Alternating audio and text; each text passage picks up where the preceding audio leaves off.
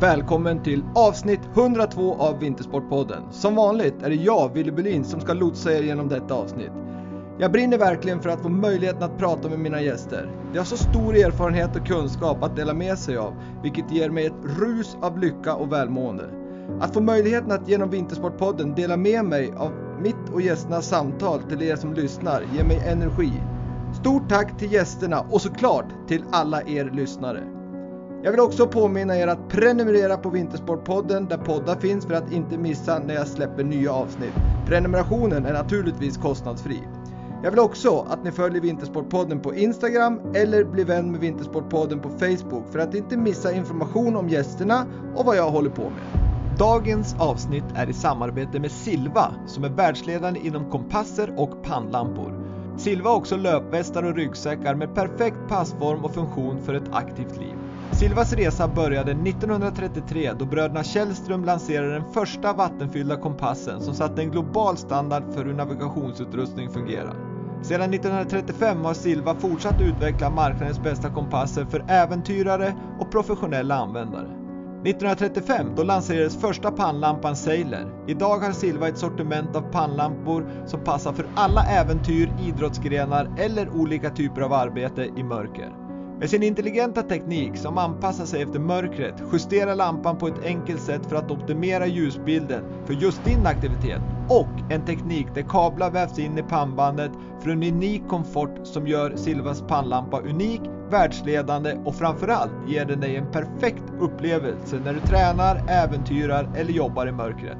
För en ljus och trygg framtid i ditt äventyrande, sportande eller arbete, använd Silvas produkter för mer information om produkten besök www.silva.se och Brooks, The Running Company. Brooks grundades 1914 och är helt fokuserade på löpning. Det betyder att de har fullt fokus och lägger alla sina resurser på utveckling av löparskor och kläder som ger en perfekt löpkänsla och en härlig och rolig löpupplevelse. Nu när hösten är här är det viktigt att investera i bra löpskor och kläder som ger dig motivation för höstens löpning och som lyser upp er i mörkret. Brooks, de har en serie med bra reflexer som gör att du springer säkert och tryggt. Kolla efter Brooks Visible för en trygg, säker och skön löpupplevelse. Run Happy med Brooks, The Running Company.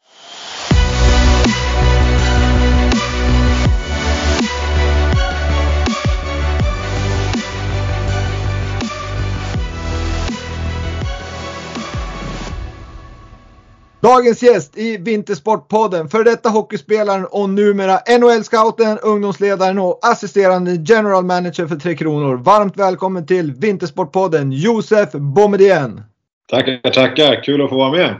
Ja, men verkligen. Och kul att, att ha en, eh, en person som dels har som fin eh, hockeybakgrund, men också som har de här liksom rollerna som du har. Det är ju ganska spritt där att vara NHL-scout, träna ett U13 i i USA och vara assisterande general manager för Tre Kronor. Det är ju liksom ett skapligt visitkort. Ja, vi fick köpa en ny hatthylla här i, i somras och få plats med alla hattarna som man, som man byter om med. Men nej, det är kul! Det blir många olika situationer och erfarenheter man får vara med om, verkligen. Ja, jag förstår det och det måste ge ett jäklans perspektiv och från, från det ena mötet med liksom eh, NHL-spelare och, och, och de som ska komma till er klubb till att möta U13-spelare. Det, det måste ju vara ja, men både för dig en, liksom en stor omställning men det måste ju vara för spelarna i U13 måste det ju vara väldigt, väldigt inspirerande att ha en, en, en sån meriterad kille på isen samtidigt som dem. Ja, jag hoppas det. Jag, jag gör det, ska jag säga, av själviska skäl. För jag tycker det är så otroligt roligt att vara hockeytränare också. Eh, så att, eh, sen om de tycker att det är bra, det är en bonus. Men jag, jag, jag hävdar att jag gör det för själviska skäl. Och sen har vi faktiskt just det U13-laget i, i Columbus som jag hjälper till där min son spelar. Så har vi en annan en annan ledare, pappatränare också som hjälper till som heter Andrew Castle som har drygt 1000 NHL-matcher. Så att, eh, jag tror att killarna har, har mycket erfarenhet att kunna ta del av faktiskt. Ja, det är svårt för dem att studsa upp och säga att ni vet inte vad ni pratar om. Det blir ju, då har de gjort bort sig. Det gör de ändå. ja, ja, det förstår jag. Så, sånt är livet. Men du, och nu så sitter du inte i Sverige och pratar med mig utan du är ju i Columbus där du numera jobbar. Eh, hur är livet där i, i USA?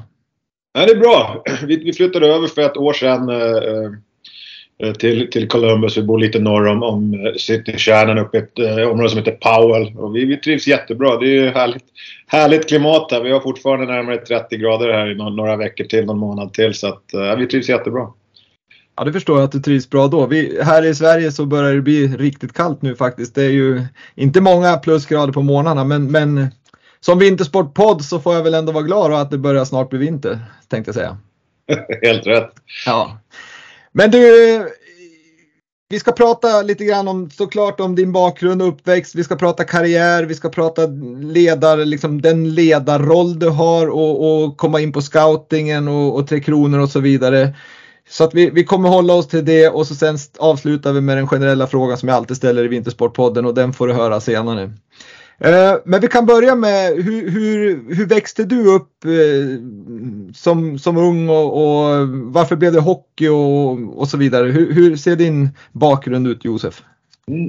Eh, jag växte upp i en, en arbetarklassfamilj i södra Stockholmsförorten Sätra och hade, hade en fantastisk barndom och uppväxt där nära Mälaren och med alla alla möjliga aktiviteter tillgängliga som, som det var på, på 70 och 80-talet och kanske säkert är fortfarande. Men, men prestigelöst med en äldre bror som är fyra år äldre än mig och eh, gick i skola i, i, i Sätra i närområdet och spelade hockey och fotboll och handboll och friidrott och, in, och bandy och allt du kan hitta på. Eh, vi, vi såg till att nästan aldrig vara inomhus på den tiden som, som det var. Och, och eh, började spela hockey i Ja, det hette, klubben heter numera MB Hockey och det var några, några vänder där på 80-talet och olika, ett par klubbar lades ihop så, så eh, HBÖ blev MV, så blev det MB och, och uh, på Sätra IP som låg, ligger ungefär 500 meter från, från mitt föräldrahem och, och det var där vi härjade, härjade på, på dagarna eller på kvällarna och på loven och, och,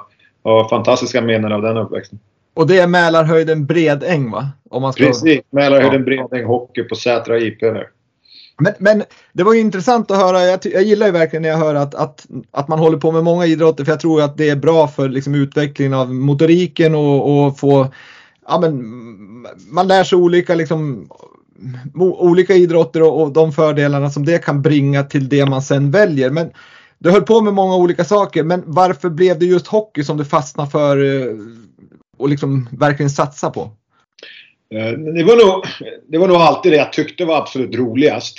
Eh, och det var kanske var det fysiska spelet och det här. Jag tyckte hockey blir en annan gemenskap än kanske fotboll i ung ålder och friidrott och så för den delen. För man har det här omklädningsrummet. Du måste vara där en tid innan för att du ska hinna byta om och, och det krävs ett lite större kanske föräldraengagemang i det också att barnen, barnen Eh, kan börja spela hockey. Så jag tror att det var den gemenskapen som kanske var ännu liksom tydligare inom hockeyn som lockade. Men sen, eh, ja, jag gillade när det var drag och det gick undan, det var fort och det, det, var, det var aggressivt och fysiskt. Det passade min personlighet på något vis tror jag.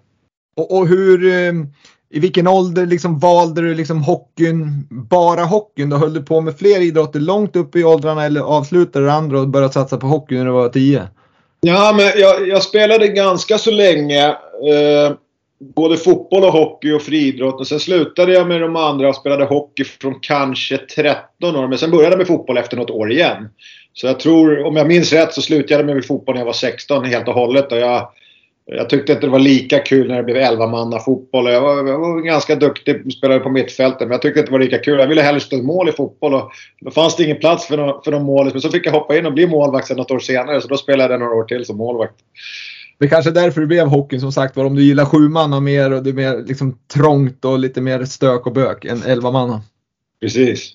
Men du, hur, hur, jag har ju pratat med andra gäster här i, i podden, bland annat Jonathan Hedström och Erik Ashoka Granqvist bland annat då. Och, och, de har ju efter podden har de ju berättat lite grann om sin, vad ska jag säga, inte uppväxt men när de kom in i, i, i de här liksom mer elithockeyn och, och att det var lite stökigt i in, insparkar och, och jargongen och attityden var kom si kom sa. Hur, hur har, har, du upplevt den, den miljön så att säga? Uh, nej, men det är klart. Det var ju andra, lite andra villkor på, på 90-talet och då jag kom in i, i elithockeyn och spelade med män. Och det är klart, det var ganska till och från rå, stämning och rå stil men, men jag har bara goda minnen även. Jag brukar säga så här, även dåliga minnen är bra minnen. För att det är livet. Man, man, man blir luttrad, man får skinn på näsan och Eh, man bygger upp sin, sin värdebank, sina värdegrunder genom att få vara med om olika saker oavsett om det, det, det, det är eh, positiva eller negativa erfarenheter. Men, men eh, jag har aldrig, vad jag kan minnas, så att det är något som har gått, i alla fall enligt, enligt min måste har gått, gått verkligen överstyr. Det har aldrig varit några sexuella grejer eller så vidare. Utan det har varit, det var tuff rå jargong som, som det var på 90-talet och, och, jag ser tillbaka till det med, med, med, med med väldigt, väldigt goda, eh, goda minnen.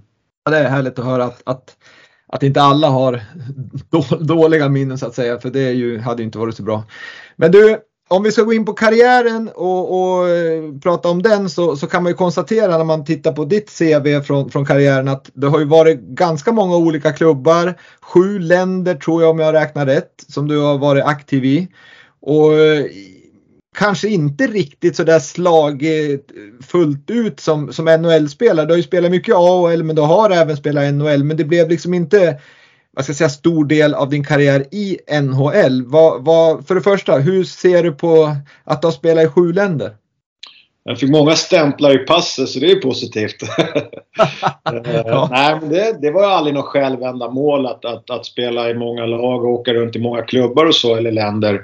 Uh, titta tillbaka på det så har det liksom berikat mitt, liv, min, mitt och min familjs liv något otroligt mycket. Jag tror att min äldsta son, när han var sju år, hade han bott i sju länder. Det, det är nog få som kan slå.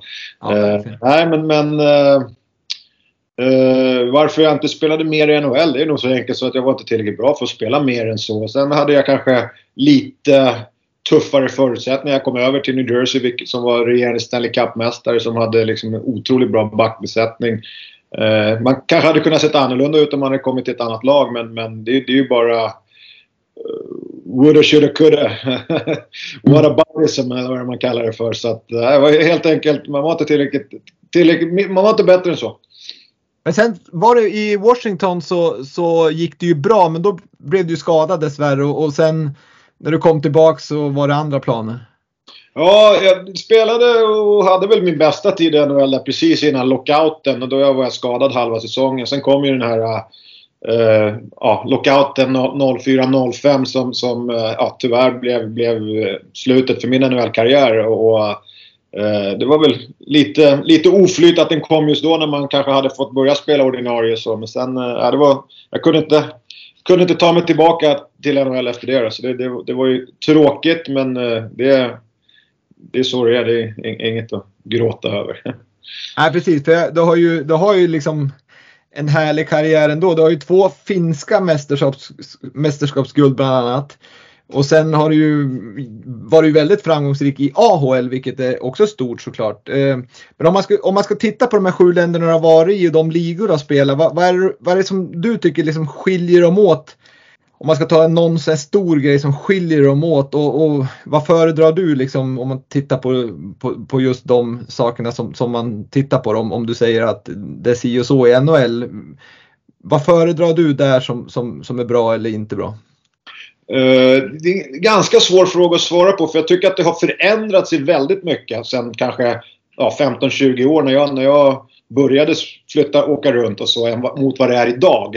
Eh, den, den hockey som tilltalar mig allra mest, det, det är på liten rink. Eh, det är det nordamerikanska liksom, spelet som tilltalar mig mest.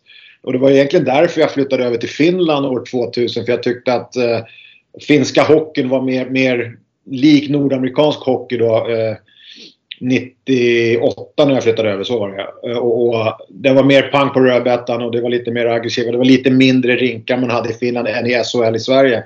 Men sen vart ju där helt eh, ändrat tio år senare. Att, att svensk hockey var mycket mer fartfylld någon gång runt 2010, 2015. Och finsk hockey blev jättepassiv.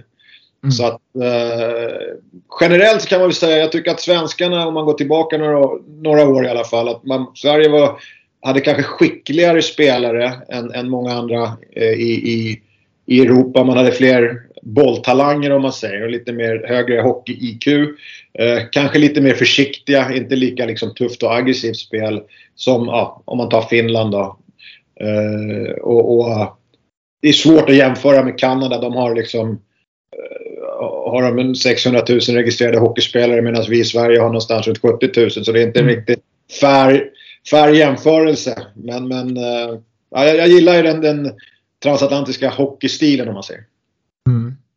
Men, men eh, sen är det intressant där. Du, du, du spelar i Sverige, du, du började som du sa i Mälarhöjden, Bredäng, Huddinge, Södertälje, åkte ur där och så sen eh, drog du vidare sen då ut, ut i världen tänkte jag säga. Men jag vet också att du, du har ju spelat i, i Tre Kronor som spelare men du hade ju även möjlighet att få spela med om man säger finska lejonen på grund av att din mamma är finsk medborgare och du har dubbla pass. Men vad är det som gjorde ditt val? Hade du funderingar på att spela i Finland eller blev det per automatik Sverige för att du tyckte Tre Kronor var ett bättre varumärke? Eller vad, vad var det som gjorde ditt val?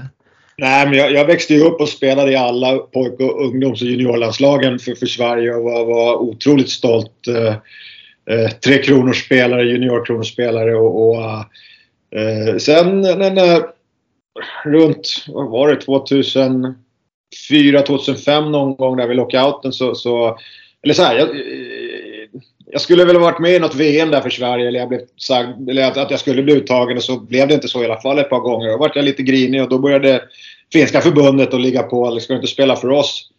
Eh, I och med att jag, hade, jag har finskt pass och sådär. Så då, då undersökte finnarna den möjligheten.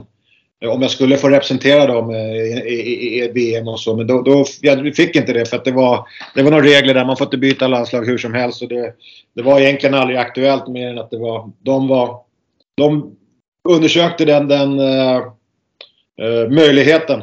Så, mm. men uh, det, jag, jag ser mig själv som, som både finsk och svensk. Min mamma är finska och hela min släkt har, har varit i Finland och jag har, har bott väldigt mycket i Finland. Men eh, att representera till Kronor, det var, liksom, det, det var det, det stoltaste ögonblicket jag har haft som, som, som i alla fall som juniorspelare när jag fick vara med i junior-VM och junior-EM och fick vara lagkapten och sådär. Det var, det, var, det var någonting jag, jag fortfarande är otroligt stolt över.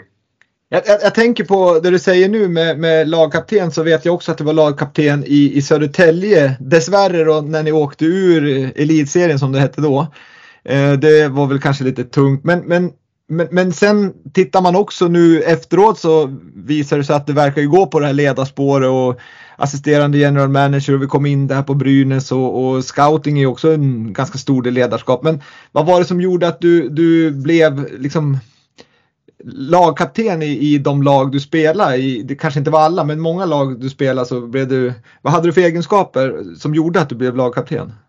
Eh, ska man egentligen fråga, fråga någon annan men säkert, jag, jag, väl, jag var otroligt seriös som hockeyspelare. Var jag. jag lämnade ingenting åt slumpen och sen var jag, jag var en ganska social personlighet och gillar att och snacka och vara om sig och kring sig och sådär. Och, och hoppas att man behandlar folk på ett schysst sätt liksom och, och, och sådär. Så det, det, är väl kanske de egenskaperna som gjorde att man i yngre ålder och, eller fick kunna vara med som lagkapten eller assisterande lagkapten i olika lag och så att man, man ja, dels seriös och ta hockeyn väldigt, väldigt seriöst och sen uh, förhoppningsvis behandla folk på rätt sätt. Och föregå med gott exempel, det är väl, det är väl liksom grunden i att vara en bra ledare, i mina ögon sett i alla fall. Ja, det, det håller jag med, det håller jag med om. Det, det är ganska också mångfacetterat eh, och föregå med gott exempel. Ibland är det att föregå med gott exempel i en tuff hockeymatch och kanske gå lite över gränsen ibland. Mm. Och det är det kanske inte sen om, när, du, när du ska sköta dig och behandla folk schysst. Liksom. Så att det är, inom hockeyn är det, liksom, det finns väldigt många olika sätt att föregå med gott, gott exempel. Mm, mm. Ja, jag förstår, det är ju det är en, det är lite som kluven fråga där. Men, men, eh, men om man bortser från det där när man, när man kliver in och visar vart skåpet ska stå, om jag får säga så, då, på isen så så, så är det ju många andra saker. Man ska ju vara i, i omklädningsrum är ju en viktig del. Det är många bussresor, det är flyg och det är liksom träning på off, off ice och så vidare. Så att jag tror att den mesta delen handlar ju ändå om, om andra saker än det du var inne på just när man kliver över gränsen ja, på isen. Jag kanske ser, jag tror, jag, jag älskar hockey liksom. Det, det, det, det har varit mitt absolut största intresse sedan jag var fem år gammal, så länge jag kan minnas. Och, och då tror jag att just de här du nämner, de här bussresorna och kanske träningar på obekväma tider. Och, eh, många frågar har du offrat någonting? Liksom, du måste offra mycket när du växte upp. Jag känner inte att jag offrade någonting för jag var mycket hellre på ishallen eller på den här bussen än gjorde något annat. Liksom. Så att jag tror att när man har kärleken till sporten så, så är det kanske lättare att föregå med gott exempel också. Och sen många gånger så glömmer man bort när man pratar om man har offrat mycket så, så visst, man har ju säkert fått avstå en hel del men det är ju få som har bott i sju länder och, och, fått uppleva det du har gjort med både kompisar och ställen du har varit på och, och, så vidare. Så att jag tror att man får nog mycket, mycket mer än vad man offrar skulle jag tro. Nej, så, så är det absolut. Jag kommer ihåg när, när karriären, den aktiva karriären tog slut och vi var vana att vara hemma i Sverige på sommaren och sen när det började bli augusti och, och, eller september då var det dags att flytta igen och, dit jag skulle spela för familjen. Och, och för må, många såklart som inte har levt det här livet så är det en jättejobbig situation att du ska packa upp och, och dra iväg medan när vi hade gjort det i 17 år eller med, med, familjen några, några färre år och jag var yngre och, och singel i början då. Men det, det, var en jättestor omställning att stanna kvar och inte mm. sticka mm. Så att, jag förstår. Det, det, erfaren, man blir liksom eh, man blir ju lite formad av det liv man lever också så att säga. Absolut. Och ungarna, jag menar tar man, tar man det på rätt sätt så får ju de stora möjligheter också i att ja, men i, i att få ett enormt nätverk och, och, och lära sig och acklimatisera sig snabbt genom att vara social förmodligen då, och, och ta kontakt med nya polare dit man kommer. Och, så att ja, det, precis. Det är precis. Det, det blir ju vad man väljer och, och, och liksom, hur man väljer att se på det. Men vi, vi har alltid varit eh, väldigt trygga. Vår fasta punkt var alltid Stockholm. Vi hade ett landställe i Sörmland och där, där familjerna, alltså våra familjer är. Det, det var ju mm. våra liksom, det, det, så här, Stockholm är fortfarande hemma för mig. Mm. Men, ja, men det är, det är skönt att ha, att ha ett liksom någonstans där man ändå vet vart är hemma. Exakt. Men ja. sen är också hemma, det är där vi är med familjen och vi trivs otroligt bra här borta i, i, i, i, Nordamerika, i Columbus. Och folk frågar hur länge ska ni vara där? Hockey, vi brukar säga man är, man är hired to be fired. Alltså man vet inte hur, hur länge man får få vara med i, i, i sådana här positioner, i, i sådana här sammanhang. Men, men vi kanske är här ett år till, två år till eller 20 år till. Mm. Ja, vi ska komma in på, på just den, den delen och vad det innebär att vara i din, i din roll så att säga och den press som är och, och, vad som händer när man inte levererar. Men vi kommer in på det. Först så ska vi prata lite om, om just karriären och, och, din syn på, eller vi har pratat mycket om vart du har spelat men jag tänkte också prata om just träningen för jag har lyssnat i en annan podd också där du har nämnt lite grann om om hur du, du, ser på just, man har ju styrkor som spelare och man har saker man behöver utveckla. Men hur, hur är din syn där? För man, många kan ju tänka sig att vad behöver jag utveckla? och Så gör man det. Men då är ju risken kanske i min, i min värld i alla fall att man glömmer bort det man är väldigt bra på. Hur har du liksom agerat under din karriär? Har du förstärkt det du har varit bra på eller har du liksom nött på försökt förbättra det du har varit mindre bra på? Uh, jag, tror, jag tror det är en viktig, viktig poäng, poäng det där att, att vi, vi pratar i scoutingen ofta att liksom, vad, vad, är, vad är den här spelaren för dimension? Vad är han, vad är han? De allra bästa spelarna, givetvis världsstjärnor, de är bra på i stort sett allting, eller väldigt mycket grejer. Men, men det är få förunnat att ha, ha, ha den liksom, kanske talangen och, och, och så. Men, men, jag tror dels du måste träna allsidigt och, och, och, träna på dina svagheter. Men jag tror att just det som separerar dig från, från, från eh, de du tävlar med, om det är skridskoåkningen eller om det är skottet eller om det är att du är otroligt stark i närkampen. Alltså jag tror att det är ändå den som, den egenskapen som kommer göra att du kanske tar det längre än andra. Att du finslipar den ännu mer. Mm. Vi kan ta Patrik Laine som vi har i Columbus här som, som har ett av världens bästa skott. Och, och, jag har sett honom spela sedan han var 14 år och han tränar fortfarande otroligt mycket på sitt skott. För att bibehålla det. För att eh, hockey, kanske mer än många andra sporter, är också en färskvara. Tränar du inte, i och med att det är på is, det är inget naturligt underlag du, som, som ja, det är ett halt underlag du har skridskor på. Det, det är inte det man har i vardagen. Liksom. Så att jag tror att det gäller att finslipa och jobba extremt mycket på dina styrkor för att just eh, bibehålla det. Och, det är det som i slutändan kommer göra att du blir intressant för, för, eh, eh, för olika lag.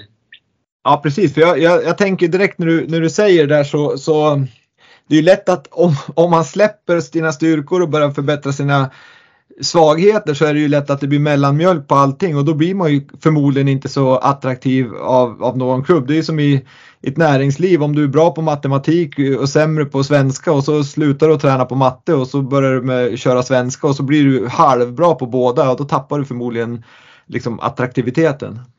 Precis, ja, det, jag, tror, jag tror det ligger mycket i det faktiskt. Ja, intressant och, och, det leder mig direkt in lite grann på, på eh, hockey och ungdomshockeyn lite grann. I och med att du har ju barn som har spelat hockey i Sverige på ungdomsnivå där du också har varit delaktig som ledare och nu är du delaktig i pojkens U13-lag i USA. Och där tänker man ju liksom att i min värld så är det ganska stor skillnad på hur man bedriver liksom träning i Sverige kontra USA. Första frågan är, hur är verkligheten du som har varit på båda ställena? Eh, jag kan ju bara då ta Columbus eh, verksamhet, eller OBJ, Ohio Blue Jackets som, som ungdomsorganisationen heter. Den, den skiljer sig väldigt mycket faktiskt från, från eh, uh, hur, hur, jag har varit med och driv, drivit det i, i, i, i, Sverige, i Stockholm och på Lidingö där jag var involverad. här är ju en annan Eh, här har man ju uttagningar, tryouts redan från de är 10 år gamla och, och eh, det blir som selektlag, alltså uttagna lag redan, redan i den åldern. Eh, och det kan man ju tycka vad man vill om givetvis och det gör vi ju inte i Sverige. Eh, och så, så där är den största skillnaden till att börja med. Eh, och, och, och, då följden av det blir ju om du spelar i, de har ju trippel A, dubbel A, singel A där trippel A-nivån är den bästa. Blir ju givetvis att kvaliteten på, på träningar framförallt blir ju väldigt hög. Eh, och, och, du har eh, spelare som, som eh, eh, en annan poäng är att det är väldigt dyrt att spela hockey också i USA. Vilket gör att de de som är engagerade och blir uttagna i, såna här, i AAA-lagen, de har ju krav på sig från sina föräldrar också att verkligen mm. vara engagerade och, och, så när det väl är träning. Så nivån på det man kan utföra på träningar är väldigt mycket högre skulle jag säga. Eh, I alla fall på yngre ålder när vi pratar 10, 12, 13, 14-åringar. Men finns det, finns det ett, jag vet inte hur jag ska uttrycka men finns det ett skyddsnät? Och med det menar jag liksom om du inte då blir uttagen i AAA, eh, då finns det ju AA och single A. Hur, hur, om du ändå vill spela hockey men du lyckas liksom inte platsa i, i det där, har de liksom verksamhet som är mer, ja vad ska jag säga, mer för att man tycker det är roligt liksom? Jo men det har de. De, de, de har både AA och, och single A och så har du när du blir äldre så har du high school hockey också där nivån är där jag tror alla som vill får vara med i stort sett. Men det är när du kommer upp i ja, i svenska nionde klassen blir det. Uh, men, men sen är det en annan aspekt, eller annan skillnad här. Det är väldigt individ, individdrivet också där du har liksom teknikträningar, eh, skridskoträningar som det har rört sig mot mer i svensk hockey också. Vilket inte alls fanns när jag växte upp. Men, men här är också, du, du kan i stort sett träna hur mycket du vill men då, då kostar det ju liksom. Och det, mm. det sållar ju bort en hel del eh, såklart. Vilket eh, eh, har ju visat sig, vi i Sverige har varit väldigt bra på att och liksom ha med många väldigt länge. Men Ja, för jag tänker just med pengarna där så är det ju alltid en stor, stor risk att sådana här duktiga talanger som inte har rätt, om man ska säga rätt förutsättningar hemifrån som, som inte kanske, de kan inte vara med helt enkelt för att de har inte råd att pröjsa. Så, så är det med allra största eh, sannolikhet. Och sen eh, tror jag att det beror, eller, det, eller jag vet att det är lite olika beroende på var man bor i USA. Just här vi bor är ganska, hockeyn är inte så jättestor i Ohio och Columbus. Eh, det finns inte så många klubbar med ungdomshockey här men åker du upp till Detroit två timmar norrut eller Minnesota för den delen så kryllar det av ungdomslag och, och, och där behöver du inte heller resa så långt för att få eh, ja, dugligt matchspel så att säga. Så att jag tror också att Boston vet jag också är ett stort liksom, hockeyfäste. Så jag mm. tror att det också beror på vart, vart i landet du bor så att säga. Men det är roligt ja. dyrt. Ja, du, du, säger att man kör ganska mycket liksom individuell träning, uh, utvecklar liksom skridskoteknik, skottteknik, tacklingsteknik kanske och så vidare. Eh, och så sen har du sagt att det är liksom tryout. Men, men om man tänker liksom på träningarna, är det, ser du någon skillnad där i hur liksom den här individuella delen, är, är det väldigt individuellt i USA kontra Sverige där man försöker bygga laget och att man ska vara ett lag som är starkt och tillsammans gör vi liksom, når vi framgångar. Jag kan tänka mig om det börjar bli uttagningar så kan det ju lätt bli liksom att enskilda personer driver sin egen liksom, agenda. Ja, men det, ut, utvecklingen är mer individ, eh, alltså bas, eller, driven här. Att liksom du, du, du får sköta just den här teknik och skridskor och sånt där väldigt själv, eller på eget bevåg så att säga. Men, men just när laget är samlat då är det väldigt mycket lag faktiskt. Och, och eh, kanske ibland i lite väl ung, i ung ålder lite väl mycket system. Alltså powerplay, boxplay, eh, eh, olika sätt att, att forechecka och backchecka. Så de här killarna som är 13 år, de är ju liksom de kan spelsystem lika, lika bra som SHL-spelare hävdar jag faktiskt.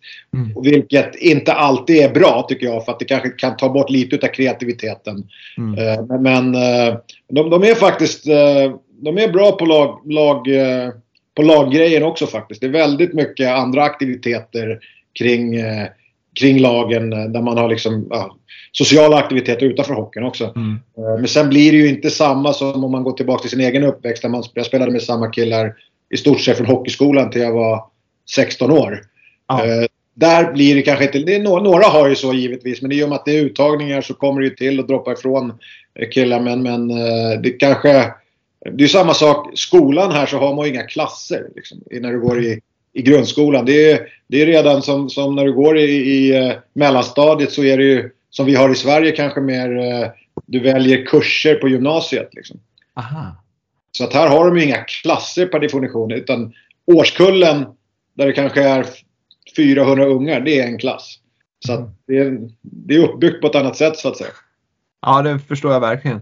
Men, men jag tänker på, vi ska komma in på det när vi pratar scouting, för då kommer vi, men då är de äldre, de, du, liksom, de man börjar scouta liksom, är ju äldre än, än de här 13-åringarna. Men, men jag tänker, när vi pratar om att uttagning och man ska liksom, de, de får vara med och bli trippel-A eller singel-A och så vidare. Hur, hur, hur bedömer man, för det är ju så himla, jag menar i 13-årsåldern så är ju vissa mer eller mindre fullutvecklade och har hår på brösten medan vissa är rena småpojkar. Hur, hur lyckas man liksom när man gör de här uttagningarna se potentialen? För att ja, i min värld så kan ju en 13-åring vara liksom jättelångt framme på grund av sin storlek och någon är mindre framme för, för att de är små. Men det är ju inte riktigt när de är 13 som de ska vara bra i Columbus Blue Jackets i framtiden utan det är kanske när de är 25 som de ska vara som bäst. Liksom. Men hur, hur hanterar man den biten? Eh, jag, jag, har inte varit delaktig i själva uttagningarna på tryoutsen så det, det, det, vet jag faktiskt inte riktigt. Det är som du säger, vi, när vi draftar för NHL då är de 18 och det, det är jättesvårt att veta vem som kommer bli NHL-spelare i slutändan. Eh, men, men eh, det byts ju ut spelare i, i lagen liksom kontinuerligt. Jag, tror att min, min, min 13-årings lag är väl en fyra eller fem nya spelare från i fjol. Alltså, så det är lite rörligt ändå. Du, du, du kommer inte dit och sen har du liksom en färdig plats eller att det är kört om du hamnar i singelan utan du har möjlighet om du utvecklas att ta stegen uppåt. Ja, så är det absolut. Det är i alla fall två i laget som har spelat i det här laget tidigare men sen var nere och spelade singel förra året och kanske året innan, jag vet inte exakt. Men som är tillbaka uppe i AAA så du har ju fortfarande möjligheten att liksom mm. eh, flytta upp och ner. Men sen hur själva utvärderingen går till eh, det vet jag faktiskt inte riktigt. Jag skulle inte, jag skulle inte gärna vara delaktig i den heller faktiskt. Om jag ska vara Nej, jag förstår, jag förstår att det är, det är krångligt. Då. Men, men eh, vi går vidare här när vi ändå är inne på just det där med hur man, hur man ser talanger och så vidare. Så går vi in just på, på ditt, liksom, en av dina hattar som är att vara scout och du får nog själv säga vilken jag säger chefscout för Columbus Blue Jackets men du, du, det finns ju vad jag har förstått nu så finns det olika. Man kan vara scout för yngre och du är mer inriktad på pro scout vilket innebär att man, man tittar på de som redan är professionell och lite äldre.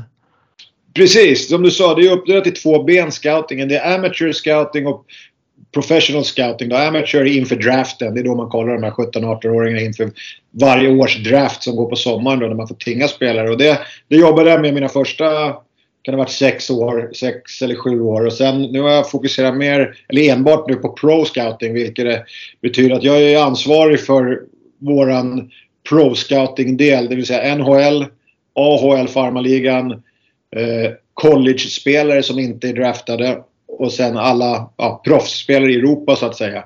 Eh, som är eh, över eh, vad blir det, 23-22 år och som inte kan bli draftade längre eller kanske har varit i NHL, åkt tillbaka och sen blir intressanta för att spela i NHL igen. Då. Så att, eh, det är mitt ansvar då att se till att vi har täckning och kunskap om alla spelare i, i de här ligorna då, som, jag, som, jag, som jag nämnde.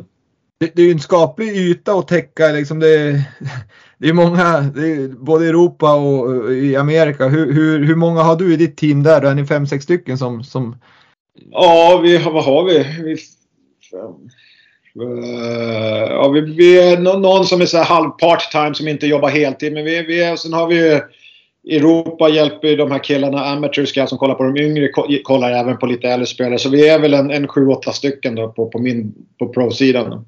Men, men det, det, är intressant tycker jag. Du, du, har ju en gedigen bakgrund. Du har e, erfarenhet, ledarerfarenhet från egentligen vad ska jag säga, från näringslivet. Så, så du har ju full, du har ju liksom all täckning. Men varför blev du scoutdelen och inte om man säger att du har gått in på ledar, eh, att bli mer en tränare och ledare?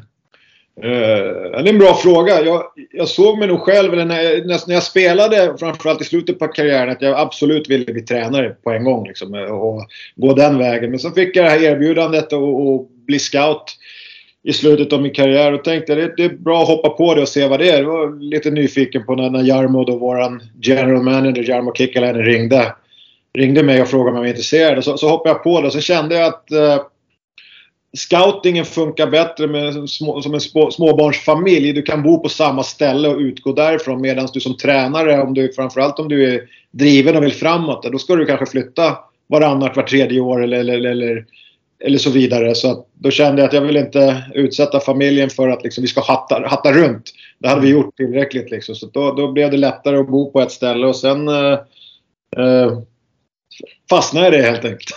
ja, för vad var det som gjorde? För egentligen som jag förstått det så så hade du tänkt att fortsätta som aktiv i kanske två säsonger till men, men Jarmo lyckas övertala dem. Det var ju som kanske lite oschysst att säga fasiken ska du inte avsluta karriären och bli scout. Var det ett tecken på att du är inte tillräckligt bra eller vad var det som gjorde att du avslutade karriären för att hoppa på scoutingen? Var, var det liksom utmaningen eller var det något annat? Precis, du har tjuvlyssnat på någon annan podd tror jag. ja, nej men Jarmo och jag, vi har en lång historia eh, tillbaka och han fick det här jobbet med, med, med Blue Jackets eh, i februari 2013 va?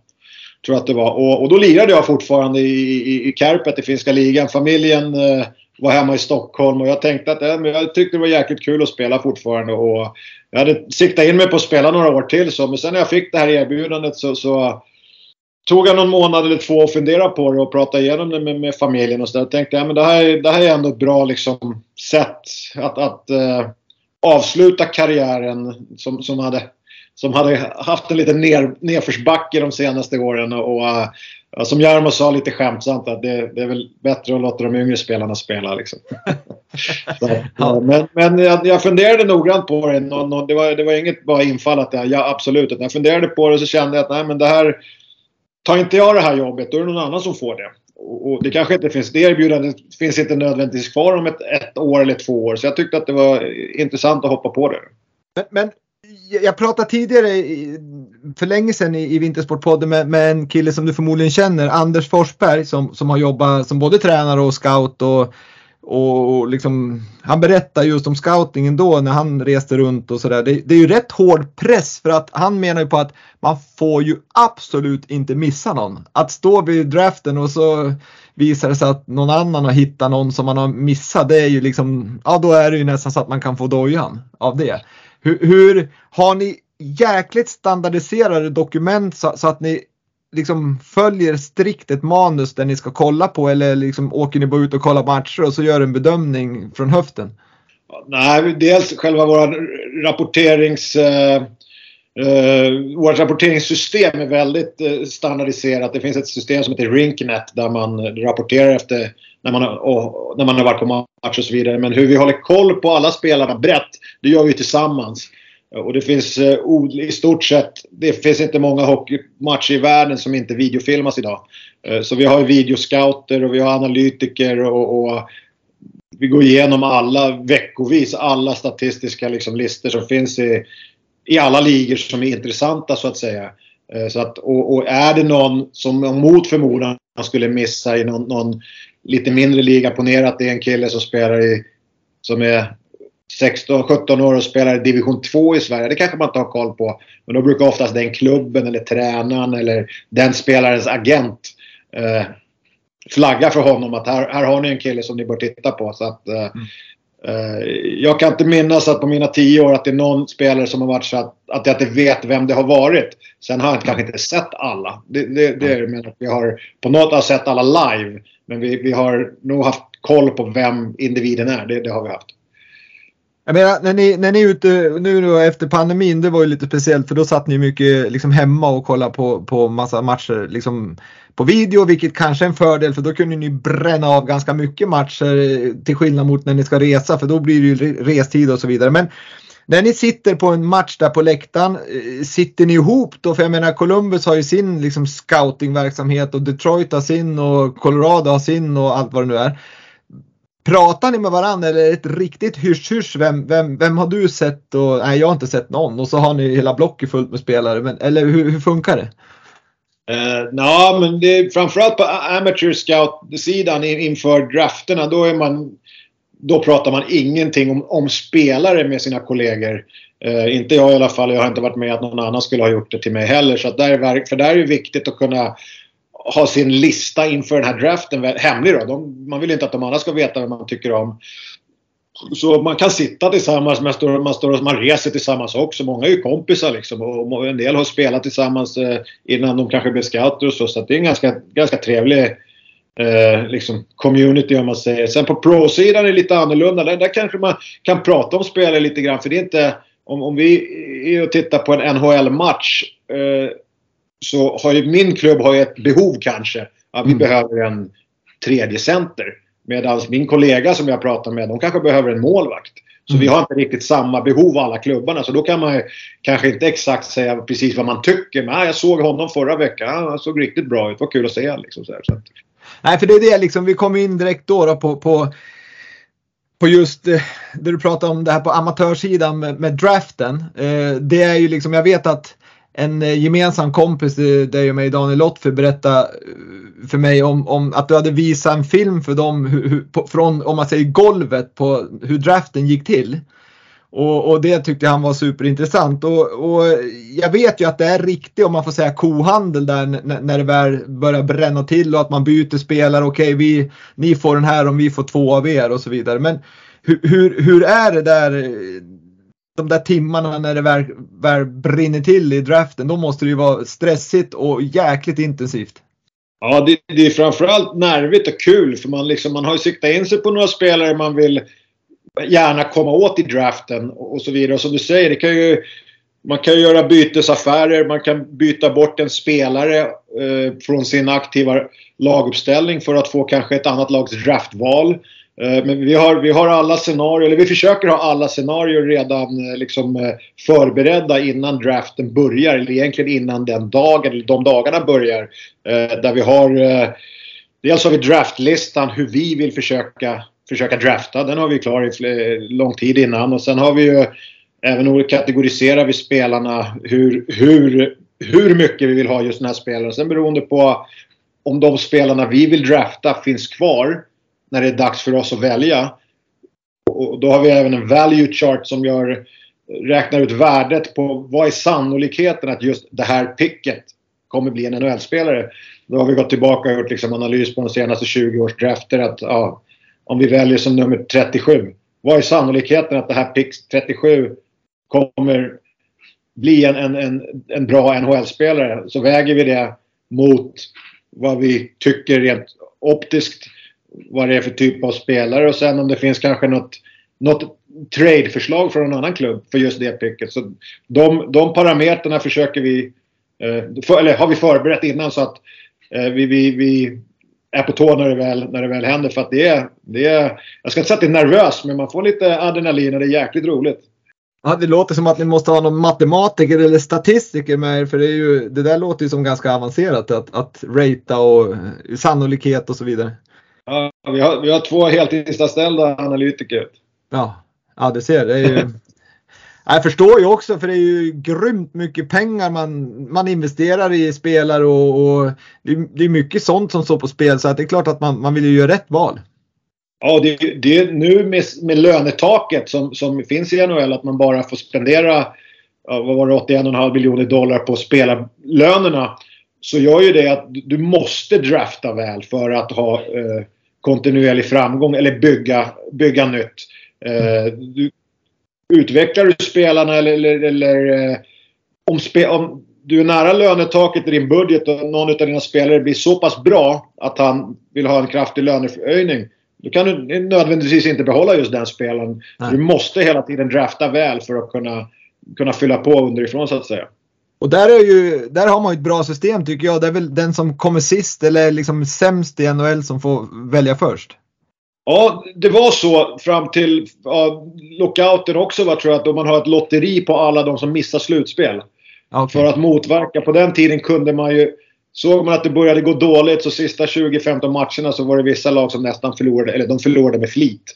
För att få välja nummer ett när du visste att det var en Crosby eller det var en Ovechkin eller, eller det var någon på McDale någon sån här spel, superspelare som kunde vända hela franchisen. Så då, nu finns det ett lotteri. Alla som missar slutspel är med i det här lotteriet där den som kommer sist har då störst sannolikhet att välja som nummer ett. Men det är inte, det är inte 100% så att säga. Mm. Men i samband med den här frågan om, om scouting och, och, draften och så vidare så, så har jag en lyssnarfråga från en kille som heter Fredrik Nilsson. Och han undrar liksom hur jobbar ni för att se skillnad mellan tidig mognad och framtida potential? Eh, just inför draften då, då, den frågan är relevant eh, för 17-18-åringar så, så gör vi ju både fysiska tester, eh, vi gör personlighetstester, våran psykolog intervjuar spelarna. Vi gör väldigt mycket liksom bakgrunds försöker ta reda på bakgrundsinformation när vi träffar spelarna och pratar med coacher. Eh, vi har, vi har folk som i vissa fall pratar med elevens lärare, eller spelarens lärare i skolan och så vidare. Så vi, vi försöker få en helhetsbild på det. Eh, men det är otroligt svårt att, att sia om framtiden, mm. så att säga. Och, Eh, men, men, eh, i slutändan, det jag har lärt mig, för att bli en, en, en, väldigt bra hockeyspelare så är det kärleken till sporten som, som eh, är avgörande i, i slutändan. Liksom, om, man, om man tar bort just... Om man inte tar de här fysiska aspekterna i beaktande så mycket i, i tidig ålder. Men har du, har du kärlek till sporten och du har liksom den här gritten att du vill träna hårt och, och jobba och du klarar av motgångar. Det, det, det är det som i slutändan ger resultat tycker jag, eller har jag, har jag lärt mig. Om det är om två år eller om det är om fem år. Eh, den, framgången kommer förr eller senare. Och sen är det ju, låter det bra att, ni, att man gör ett större liksom, um, vad ska jag säga, ett större arbete och tittar kanske inte bara här och nu på träningen utan man pratar med lärare, man pratar med föräldrar, man pratar ditten och datten för då får man ju lite reda på mognad och, och så vidare och sen kanske ni liksom även kan smygtitta på en spelare för att se finns den här liksom glädjen även fast de inte inte ser att du sitter där på läktaren. För jag menar då blir ju alla som tjuren Men det gäller ju att ha den även fast inte du är där och att man är den här teamspelaren fast inte du är där och tittar. Precis, och förr i tiden då smög jag in på, på träningar ibland en tisdag morgon i, i november av just den anledningen. Mm. Uh, nu är det många rinkar som har, uh, i alla fall här i Nordamerika, som har såna webbkameror som, som du kan titta på träningar. Uh, Vissa blockar ut dem och andra har dem tillgängliga. Men eh, det tycker jag är jätteviktigt att se att det här är inte bara roligt när det är landslaget eller när det är eh, en, en, en rolig match fullsatt på läktaren utan det är faktiskt lika roligt eh, som jag sa en, en tisdag morgon i november. Mm. Ja men precis och det är ju grunden till, till mycket framgång. Det är glädje och passion och, och sådär. Så att ja, det låter bra. Men du, vi ska gå vidare här från scouting in på ja, kanske då mer ledarskap och, och, och, lag och så vidare. För att jag vill prata lite grann om Brynäs för de var ju riktigt illa ute. Eh, där man var på väg ut ur SHL och då i sista sekund tänkte jag säga i slutet av serien där så tog man in dig och Nisse Ekman och skulle liksom vara de som kom och rädda det, det liksom vad ska jag säga, Brynäs IF som är liksom har stark kultur och, och, och liksom lång, lång historia inom, inom eh, hockeyn. Eh, uh, hur, hur, var liksom, hur var det för dig, eh, om jag pratar om dig då här, att få den frågan först och främst, men sen hur, hur gick tankarna där att fasiken, ska, gick det tankarna att jag, det här ordnar sig eller var du mer orolig för att vad händer om vi åker ur? Uh, nej, först frågan att bli, bli tränare för Brynäs, den, den, den var, blev jag överraskad över. Jag, jag hade ju haft dialog en tid med Brynäs om att eventuellt bli sportchef då nästkommande år eller general manager. Så kontakten fanns redan men sen när, när, när det poppade upp att de ville att jag skulle vara head coach där i, i kvalmatcherna. Det, det var överraskande och det, det Eh, tog mig på sängen så jag fick nog samla mig lite och, och eh, fundera och prata lite med folk eh, i, i, min närhet innan jag hoppade på det. Men jag kände ganska snabbt, eh, speciellt när Nisse ville vara med också. Att det här, det här, det här skulle vara jäkligt lockande och roligt och jag, jag tycker själv att jag är jag har koll på, på mm, hockeytränarbiten eh, som jag har hållit på med på ungdomsnivå, junior och ungdomsnivå i, i, ja, i tio år nu. Och, eh, vi hade en tydlig klar bild vad vi ville göra och vad vi skulle försöka göra så jag var inte orolig för att det inte skulle gå vägen. Eh, jag, jag insåg ju också att i och med att vi kom in med så kort varsel så sannolikhet att vi skulle bli skyldiga och, och, och, och liksom verkligen eh, illa behandlade om vi skulle åka ur var ju ganska liten.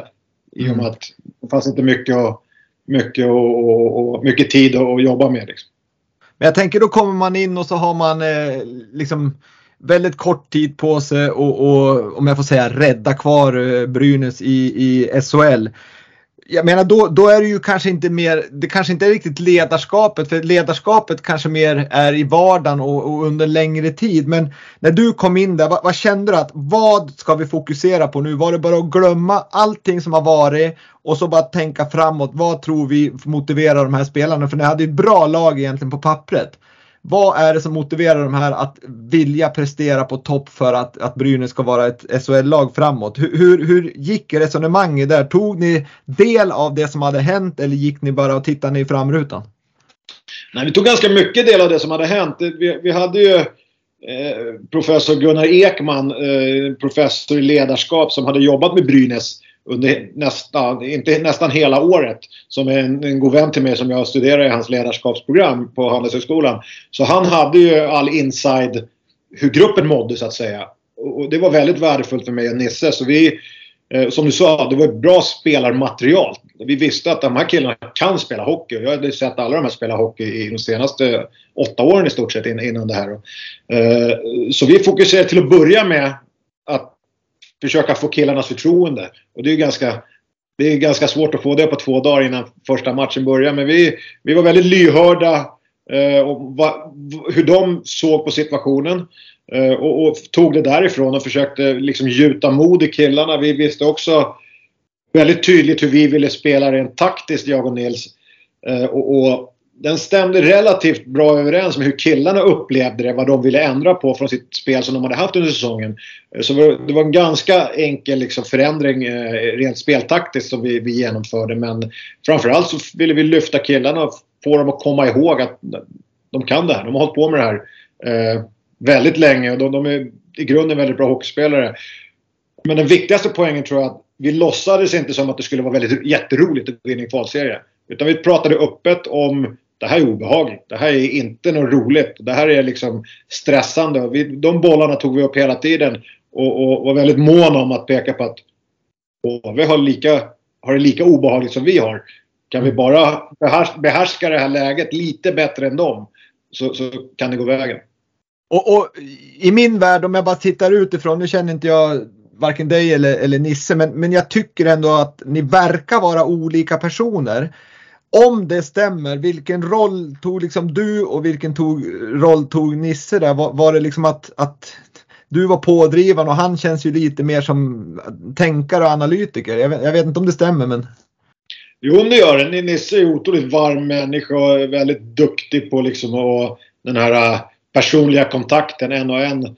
Eh, så, så emellan matchen och inför det här så var Nisse väldigt liksom, delaktig i kommunikationen med killarna, med de andra ledarna, med mattrisarna. Och, och medans, vi hade ju faktiskt ingen sportchef då heller så jag fick ju vara med. Jag var tvungen att vara med och se till att bussen, när skulle bussen gå? Hur många hotellrum skulle vi ha? Var ska vi stanna och äta lunch? Eh, så jag hade rätt mycket på min tallrik där i några veckor. Så att jag, jag skötte egentligen eh, eh helheten, matchcoachningen och, och, och liksom den sista liksom, kommunikationen till spelarna. Det är det här vi ska göra. Medan Nisse skötte mycket av dialogen med, med killarna. Mm. Jag, jag, förstår det och, och, jag sa tidigare att, att du har ju en stor erfarenhet från hockeyn som sådan. Du har ledarerfarenhet från näringslivet och liksom det har gått utbildningar och så vidare. Men just att vara ledare i ett hockeylag dag, på daglig basis, det är ju någonting i min värld i alla fall som skiljer sig från att hoppa in och vara en bra coach på bänken. Hur kände du där? Var det liksom att äh, men nu, nu är jag en coach på bänken som ska liksom se till att grabbarna bara levererar här de här matcherna mot HV? Uh, eh, ja, jag har väldigt stort självförtroende i min, min, min taktiska hockeykunskap. Eh, och, och, även från att kunna behålla lugnet när det är stressat. Eh, det, det, byggde jag upp under min karriär som spelare, att jag, jag kan liksom eh, vara fokuserad även när det bränner till. Så att, plus att jag hade faktiskt, och det, det sa jag lite, lite skämtsamt, och jag hade coachat småbarn i, i, i åtta år i stort sett. Och, och jag, jag, jag hävdar fortfarande att det är lättare att coacha SHL-spelare än att coacha 10-11-åringar. Eh, som, som givetvis lite skämtsamt, det är ingen SHL-spelare som behöver gå på toaletten. Det är, väl ingen, det är ingen som behöver, vill byta spelposition mitt under matchen eller det är, det är, ingen som är orolig för att klubban gick av, att pappa ska bli arg. Så att det är faktiskt lättare att coacha SHL. Om du klarar av att stänga ute de här yttre omständigheterna. Mm. Jag förstår det. Ja, det är härligt att du säger det för det stämmer ganska bra. Det är ju, det är, kom, det är ju jäkligt svårt att, att hålla på med ungdomar just i och med att du får andra saker som också faller in som, som verkligen är liksom som man ska hantera.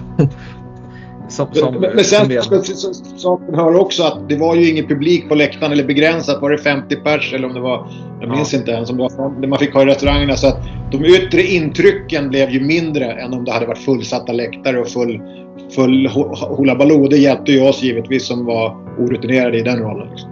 Jag förstår. Men om man, om man då tittar på ledarstil. För vad är liksom, vad är en, för dig, vad är en bra ledare för, för dig och, och, och liksom och vad känner du att du styrkor och svagheter inom ledarbiten? Eh, jag tror väl att jag är väl relativt duktig på att kommunicera. Eh, om vi just pratar om hockey så är jag otroligt hockeyintresserad och, och, och har liksom kött på benen vad gäller, vad gäller hockeybiten. Men sen tror jag också det är, det är väldigt bra generellt sett som ledare att, att inte låtsas så att man kan allting.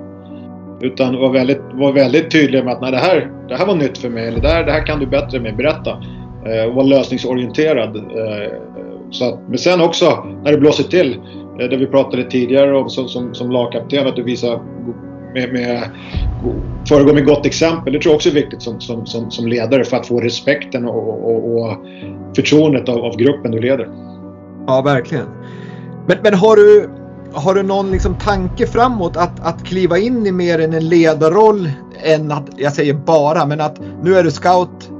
Har du någon liksom tanke på att om fem eller om tio år då ska jag vara general manager för Columbus Blue Jackets eller jag ska vara eh, head coach för Brynäs eller något annat lag? Uh, nej, jag har, jag har lärt mig att inte planera så långt fram. Man kan ju givetvis ha drömmar och målsättningar men uh, jag gör allt det här som jag gör nu så gott jag kan så får vi se vart det leder och sådär. Så Jag kommer vara med i Tre Kronor i, i, med, i ledarstaben under, under, under uh, Eh, mästerskapsturneringarna och så, så. Så får vi se vilken, vilken kapacitet men, men eh, mer än eh, ja, på läktaren då. Men jag, har, jag har ingen tydlig bild så här exakt det här, det här det här, här är jag om fem år, det har jag inte. Okej, okay. men du, du leder mig in på Tre Kronor här. Vi, vi, ska avsluta det här avsnittet snart för att du ska in i ett viktigt möte med Columbus Blue Jackets misstänker jag. Så jag ska försöka anpassa mig till det. Men, men Tre Kronor, där kommer du vara assisterande general manager med ansvar vad jag förstår att, att liksom ha bra kontakt med NHL-spelare och, och, och, försöka få dem att, att vilja delta i, i VM, OS och så vidare för Tre Kronor om, det, om de finns tillgängliga. Men, men vad ser du att du kom in med i Tre Kronor för? Liksom, hur kompletterar du upp befintligt team där? Uh, nej men framförallt så kommer mitt ansvar vara just här killarna i Nordamerika då. Uh, och laguttagningen sker, sker, sker ju alltid i, i samarbete så att säga. Uh, men, men jag har ganska mycket information som jag får på min tallrik varje dag. från mina, mina egna scouter här och mina analytiker och så vidare. Och, och det är ju något jag kommer kunna, kunna använda när vi, när vi ska utvärdera potentiella Tre Kronor-spelarna. Så har jag väl eh, kunskapen om hur man rör sig här och hur man gör ett bra schema och hur man kommer in på matcher och alla de praktiska delarna också, vilket inte är helt lätt om man aldrig har varit här borta och, och, och, och jobbat med liksom scouting eller åkt runt och så vidare. Så att, eh, eh det, det, är väl eh, just, just de sakerna. Sen, sen sker, ju, sker ju allting, eh, tror jag, eller om man vill vara framgångsrik sker det ju i team. Liksom. Man gör allting tillsammans tror jag. Det blir bästa, bästa slutsatsen. Så, Eh, Sam, och, Sam Hallam och Stefan Klocka de kommer ju komma över eh, hit till Nordamerika säkert någon gång under hösten så kommer vi, kommer vi titta på spelet tillsammans också. Stefan Klockare var ju också gäst här, så han, men då var han väldigt ny som, som assisterande förbundskapten så han hade som inte riktigt koll på läget. Men han sa att han skulle åka över då i alla fall till Nordamerika såklart. Men, men vad, vad anser du var en framgångs, en nyckel, nyckelgrej för att få med sig spelare och få dem motiverade att vilja representera Tre Kronor? Alltså då pratar vi NHL-spelare. Uh, eh, nej men jag tror dels en seriositet. Uh, killarna kommer från världens bästa liga och blir behandlade därefter så att jag tror det är viktigt. Att, att de, de, och sen tror jag att igenkänning Eh, att det är ungefär liknande struktur, samma spelsätt, eh, liknande ledarskap. Eh, så att du kommer in, det är så korta turneringar framförallt om du kommer in kanske mitt under en VM-turnering också om ditt NHL-lag har blivit utslaget. Att det finns en igenkänning och det är ett par välbekanta mockasiner att hoppa in i så att säga. Mm. Eh, det, det, tror jag är trygghet. Alla människor mår bra av trygghet så jag tror att det, det eh, även eh, gäller Eh, för NHL-killar som för, för, att komma över på kort, på kort varsel komma över och representera, representera till kronor i Europa. Det tror jag. Sen eh, eh, det handlar med respekt. Tror jag. Ja men det låter bra. Det känns verkligen som att du är rätt man att få med dig duktiga spelare till, till VM och OS så att vi får fina resultat för det, det populära landslag som det Tre Kronor är. Eh, nu har jag fått en timme av dig Josef och det är jag jätteglad för och eh, du har svarat på jätte, för mig viktiga frågor. Jag tror lyssnarna har fått svar på väldigt många frågor också. Allt från din karriär till hur hockeyn funkar, hur scouting funkar, hur ledarskap funkar och, och så vidare. Så att jag är superglad för din, din, din medverkan i Vintersportpodden och nu har jag bara en fråga till innan du får gå på möte med Columbus Blue Jackets. Och den låter så här. Kan du säga en framgångsfaktor för att lyckas med idrott? Jag får bara säga en alltså. Ah, du får väl lägga ut lite men... Nej, ett, ett, det, är, det är glädjen. Glädjen. glädjen. Det, och det var du inne du på tidigare också. Du måste bevara glädjen och, och uh, ha... Det får, inte bli all, det får inte bli för allvarligt. Oavsett om det är OS-final, Stanley Cup-final eller uh, gubbhockeymatch med Lidingö, med Lidingö eh, Vikings eh, och Daniel Lopsi. Det får inte bli för allvarligt. Nej, precis. Nej, men det var du inne på tidigare också. Det tror jag verkligen att, att, att man, man, även om man är seriös så ska man ha glädje i det. För att jag menar, det, det, det måste finnas den här gnistan och, och lågan för att man ska kunna prestera bra och göra sitt yttersta. Det tror jag. Och ännu mer, jag tror ännu viktigare idag än vad det var förr i tiden. Det finns så mycket yttre omständigheter med, med, med press och, och, och, sociala medier. Många som tycker till och har åsikter om allt som både vuxna och barn håller på med. Så kunna bevara glädjen i, i, i allt man gör tror jag är ännu viktigare idag. Mm. Kloka ord. Josef Boumedienne, stort tack för att du var med här och önskar dig all lycka med både scoutingen för Columbus Blue Jackets ungdomstränarrollen i U13 i Ohio och naturligtvis som eh, assisterande general manager för Tre Kronor. Stort, stort tack och lycka till! Stort tack! Kul att få vara med. Det blir spännande att lyssna också. Ja, det är bra. Toppen! Hej då! Tack! Hej.